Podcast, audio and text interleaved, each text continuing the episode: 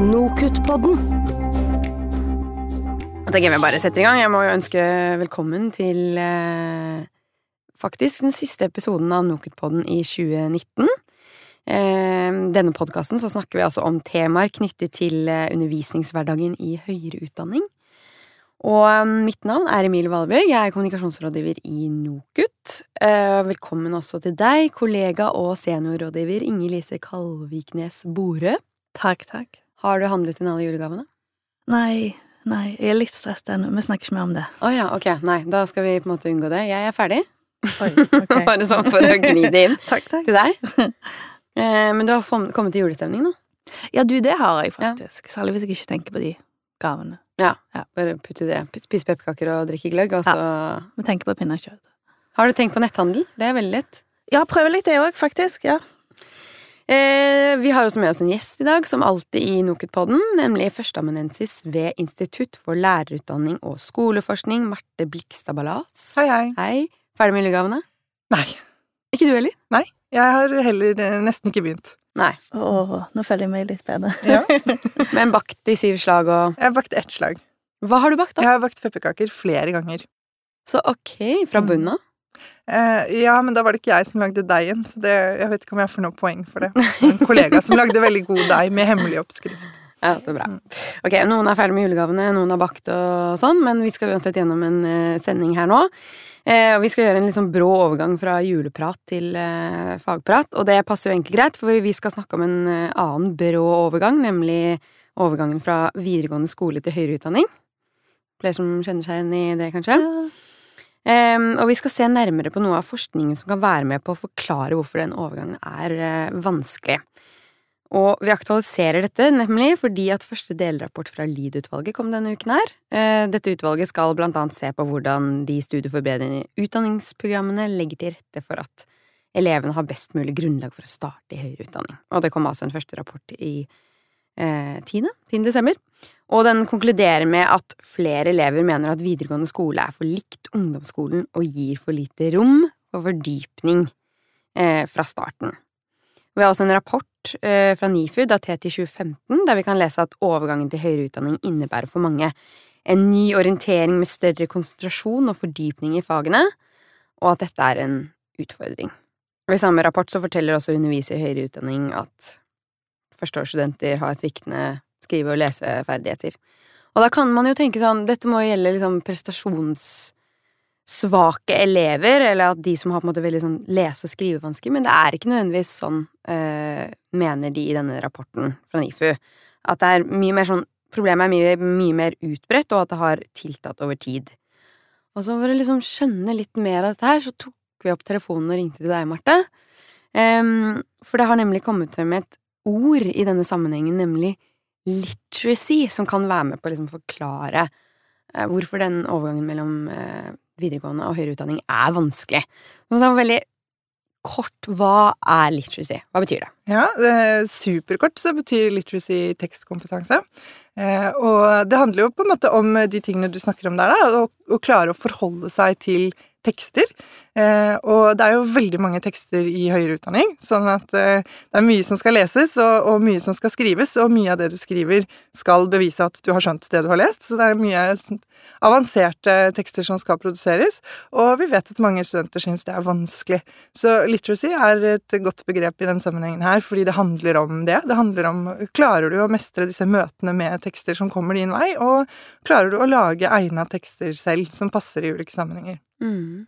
Og du har skrevet en bok eh, som heter Literacy i skolen. Ja. Eh, det virker jo som om måte, det er et veldig sånn Det er blitt et økt fokus på det. Det er veldig sånn trykk på at man må ta hensyn til eh, tekstforståelse. Ikke nok, da, tydeligvis, ettersom Nei, disse rapportene kommer. Men, men, eh, men kan du fortelle liksom, på hvilke måter har man liksom virkelig eh, Hvordan på en måte Ser man dette på hvordan elever i grunnskolen i dag lærer? Altså, det er, det er helt riktig at det har vært økt fokus på det, eller det har i hvert fall vært økt eh, eh, det har vært intensjoner om å få økt fokus på det. Og en av de tydeligste tegnene på det er den eh, forrige læreplanreformen, Kunnskapsløftet, som har gitt oss den læreplanen vi har i dag. Eh, Og den har blitt kalt for en sånn literacy-reform. Og ordet literacy står ikke en eneste gang i den planen, og det er nok eh, fornuftig. Mm. Eh, men man har eh, kalt det for grunnleggende ferdigheter. Altså det at du skal kunne lese, skrive, regne, bruke digitale ferdigheter, snakke om fag. Og det handler om at man må eh, se på hvor mye disse tekstene har å si, og hvilke kompetanser som skal til for å klare å vise kunnskapen sin. Eh, og det, så, så den har blitt kalt for en, en literacy-reform. Så kan man jo spørre seg om det har fungert da, helt etter hensikten. Og det er, som du er inne på, flere rapporter som tyder på at, at mange studenter fortsatt syns det er vanskelig med denne overgangen. Mm. Fordi, eh, og literacy-forskerne mener nok at forklaringen ligger litt i at du blir bedt om litt ulike ting gjennom hele skoleløpet, og så plutselig videregående Nei, når du kommer til eh, høyere utdanning, så forutsetter vi at du kan noen andre ting du må gjøre med disse tekstene. Ikke sant. Og da, men dette med fordypning eh, virker jo som en, en, et problem at man ikke får fordypet seg nok i én ting, og så som kommer man på høyere utdanning, og så skal man plutselig fordype seg voldsomt, og Mm. eh, i tillegg eh, kanskje evne å være kritisk til det man har lest, og, osv. Hva tenker du at man må gjøre mer av da, i, i grunnskole, altså videregående, for å bruke videregående, da? Mm. Eh, man, hva burde man på en måte kanskje gjøre mer av for at man skal være mer forberedt til den Ja, det, det er jo flere ting, men kan du tenke seg eksempel på den store forskjellen det er hvis du tenker deg hvordan det er på videregående, hvor du får en lærebok hvor tekstene kanskje er skrevet av de samme forfatterne, og de er veldig tilpassa din situasjon, eh, kontra det det er å komme på de fleste studier i høyere utdanning, hvor kanskje det er en, en sammensatt pensumliste skrevet av litt ulike mennesker, som ikke alltid har skrevet bare til din situasjon. Eh, Det er jo en ganske stor overgang. Da må Mm. du gjøre mye mer arbeid selv i å sammenstille tekstene og se eh, hva slags eh, faglig kunnskap de formidler, og om de sier det samme. Det er det jo ikke alltid de gjør. Det vet vi at mange studenter syns er vanskelig. Eh, og så er det jo noe med hva slags oppgaver man får, fordi i videregående skole så er det fortsatt sånn på tvers av fag at man ofte får oppgaver som krever gjengivelse. Du må vise at du har skjønt hva en annen tekst sier. Og så må du noen ganger mene noe, selvfølgelig, og det fins noen gode fordypningsoppgaver også, men eh, det er jo grunnen til at vi får ny læreplanfornyelse også, at det, det er mye såkalt eh, overflatebehandling av disse tekstene. da, Du skal lese, du skal gjengi, og så går vi videre til neste tekst. Og du skal vise at du har eh, skjønt de, Mm. og ikke så veldig mye utover det. Mens i høyere utdanning så forventer vi jo mye mer analytisk kunnskap. At du klarer å lese tekstene, forholde deg til det de sier, og hva det betyr. Ikke bare det som står der, men hvordan tolker vi det ut fra de andre tingene vi vet, for eksempel, og hva de Mm. andre pensumtekstene sier, og, og verden i dag, og det, det, kravene blir mye større, da. Ja. Inger-Lise, du har jo undervist eh, i var det England og Wales. Mhm. ja.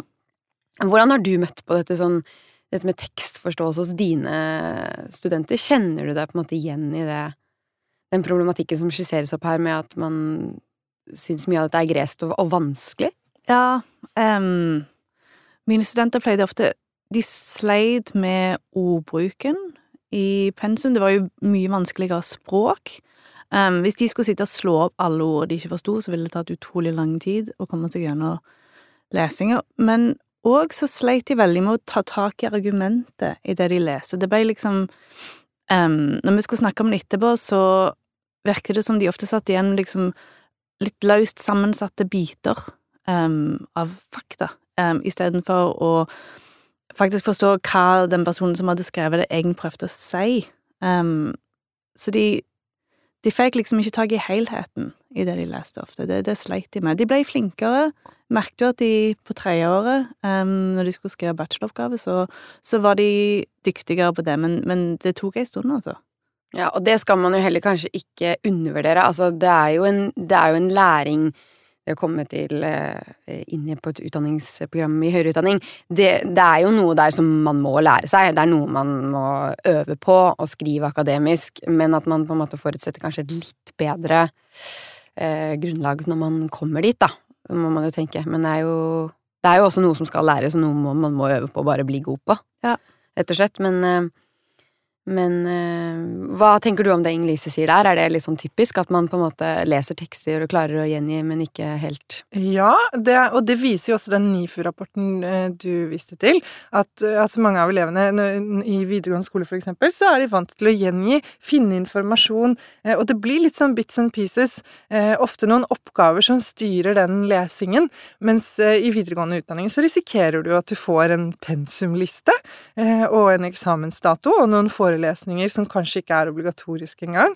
Og så må du på en måte styre, styre skuta litt selv, da. Og, og vi gir jo ikke veldig i hvert fall ikke på alle studier, veldig sånn lesebestillinger. Hva er det du skal gjøre når du har lest dette? Hvordan vet du at du har skjønt teksten?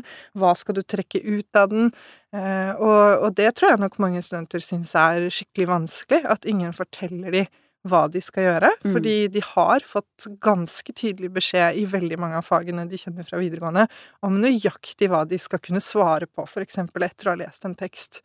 Eh, mens i altså i høyere utdanning, så, så vil vi jo gjerne at de skal kunne gjøre rede for hovedinnholdet i teksten, kanskje, og implikasjonene av det. Og, og det er jo mye større oppgaver, da. Ja, det er jo det. Ja. Men ok, fordi at da liksom, du har skrevet en bok om dette her, det er et uh, trøkk på liksom grunnskolenivåene på dette med literacy, eller tekstforståelse.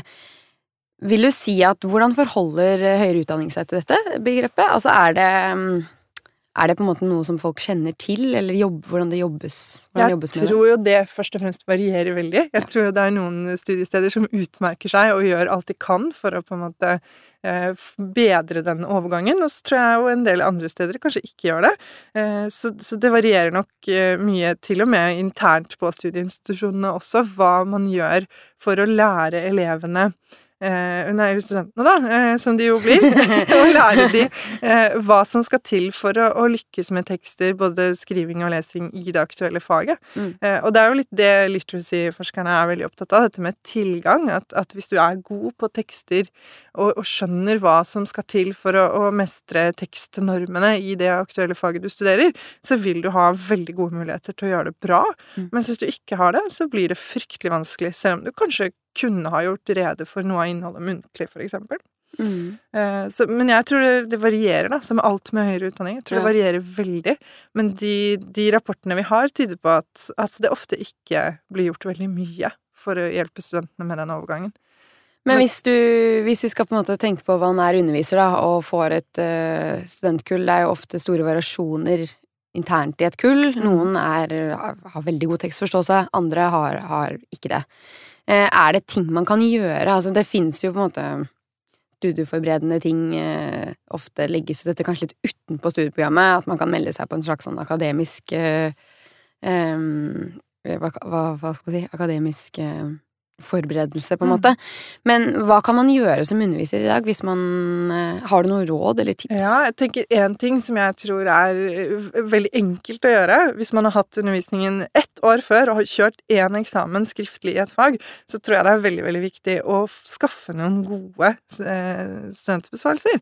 Ja, så hvis du har f.eks. noen A-oppgaver i en skriftlig eksamen, og du får lov av studentene til å bruke den i de neste kullene, så ville jeg brukt mye tid på det. Altså gjennomgå hva er dette for slags besvarelse, eh, hvilken karakter syns dere den ligner på, er det høyt nivå, er det lavt nivå? Eh, og så etter hvert så kommer man jo fram til at det sannsynligvis er ganske høyt nivå. Og så gå inn i da hvorfor, det?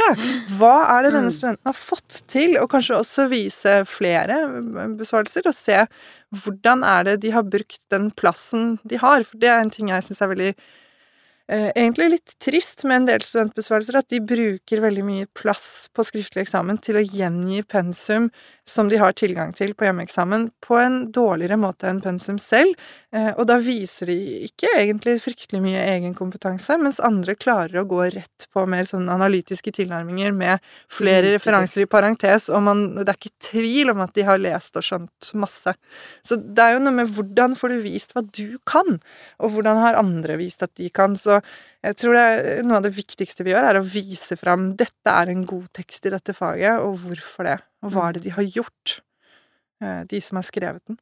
Hva tenker du om det, Inger-Lise? Ja, jeg husker vi hadde en del diskusjoner um, på hvor mye en skal gjøre for å legge til rette for nye studenter, men samtidig være tydelig på forventninger om selvstendig arbeid.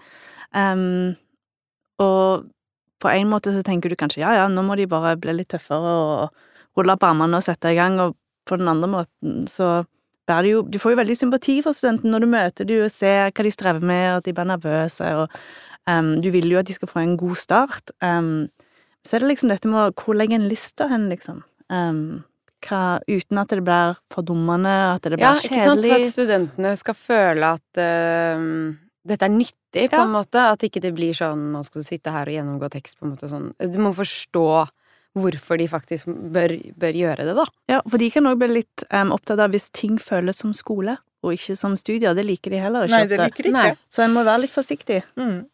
Jeg er helt enig i det. Mm. Men jeg tror jo også det handler litt om eh, at det er eh, Vi er veldig opptatt av dette med at tekstnormene må være tydelige. De må vite hva som forventes av det de selv skal produsere av Eller tekst. hva, hva, hva legger du i det? Tekstnormene? Ja, altså De forventningene vi har, da. Hva er det sensor vil se på som, som bra? Og noe av grunnen til at jeg syns vi må snakke mer om det, selv om vi ikke skal på en måte gjøre det på en sånn altfor forenklende måte, det handler om at eh, sensor i høyere utdanning forventer noe annet i de aller fleste tilfeller enn det læreren din på videregående har gjort. Mm. Eh, Og den forskjellen tror jeg forklarer mye av, eh, av hvorfor det er så hard overgang. Da. Mm. Eh, Og så er det jo store fagforskjeller, og det tror jeg også at en del elever har kjent på allerede i, som videregående elever. Dette med at kanskje naturfaglæreren vil ha sine tekster disponert på en litt annen måte. Der det er kanskje lov med kulepunkter, for eksempel, og referansene skal kanskje føres på en litt annen måte. Mens det, de fagforskjellene blir jo enda sterkere i en del høyere utdanningsprogram. Så hvis du har studenter som tar fag fra ulike fakulteter, eh, har, så kan det hende de får direkte motstridende beskjeder om hva som er en god tekst. eh, Litt sånn implisitt også. eh, At det ligger litt i kortene at, at man vil ha forskjellige ting. Og det tror jeg kan være vanskelig for dem. Ja, bare for Mm. å komplisere det ytterligere, liksom. Så Altså Bare noe så enkelt som dette med referanseføring. Eh, eh, Jeg jobber jo på en eh, lærerutdanning, og der, på lektorprogrammet der så får vi jo studenter fra, som har vært på ulike fakulteter, og bare det med hvordan du skal føre referansene dine, har de fått ganske ulike beskjeder om. Og det syns de er frustrerende. Ja, det skjønner jeg jo. Men det er jo litt sånn vakker sånn sirkel som blir sluttet der, da, fordi du underviser jo studenter som skal da ut igjen og undervise, bare sånn for å gjøre det litt sånn meta. Eh, hvordan forholder du deg til dette tekstforståelse, altså literacy, overfor dine studenter? Er det noe du er liksom veldig tydelig på, eller? Ja, jeg underviser jo i literacy, så det skulle jo nesten bare, Bare mangle. Eh, Men eh, ja, jeg, prøver jo på en måte Og en av de tingene jeg syns er veldig viktig, er, er dette med å vise hvordan vi gjør ting med tekster. Eh, at, man, at man ikke bare tar det for gitt at alle skjønner hva de skal gjøre når det kommer en tekst. Og, og siden det er ganske avanserte ting man skal gjøre ofte også, så, så kan man få med studenter på det. Altså gå inn og, og, og gi de litt ulike oppgaver. Og også litt motstridende tekster syns jeg er fint. Eh, fordi virkeligheten er jo veldig sammensatt og, og mye uenighet. Og da er det litt sånn paradoksalt at man f.eks. i videregående skole ofte møter én fremstilling av ting, og da blir det litt sånn verden er sånn. Og når du kommer i høyere utdanning, så er det ikke sånn lenger. Og når du kommer eh, ut i yrkeslivet, så er det i hvert fall ikke sånn lenger. Så Mm. de, de trenger jo noe øvelse i det også, i å forholde seg til på en måte at mange flinke mennesker som kan noe om noe, har beskrevet ting på en litt ulik måte, og det kan hende du er litt enig med alle, men du må klare å forholde deg til det. At de, at de har litt sånn nyanseforskjeller. Mm. Uh, og jeg har hatt mange studenter selv som syns det er vanskelig. Ja. Altså at pensum motsier seg selv på enkelte ting og sånn.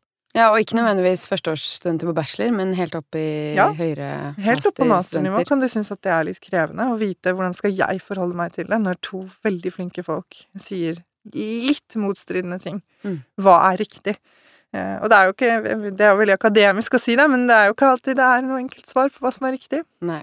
Jeg tror Og- det gir litt følelse av utrygghet Mm. i, i, um, i det å finne veien gjennom lesestoffet.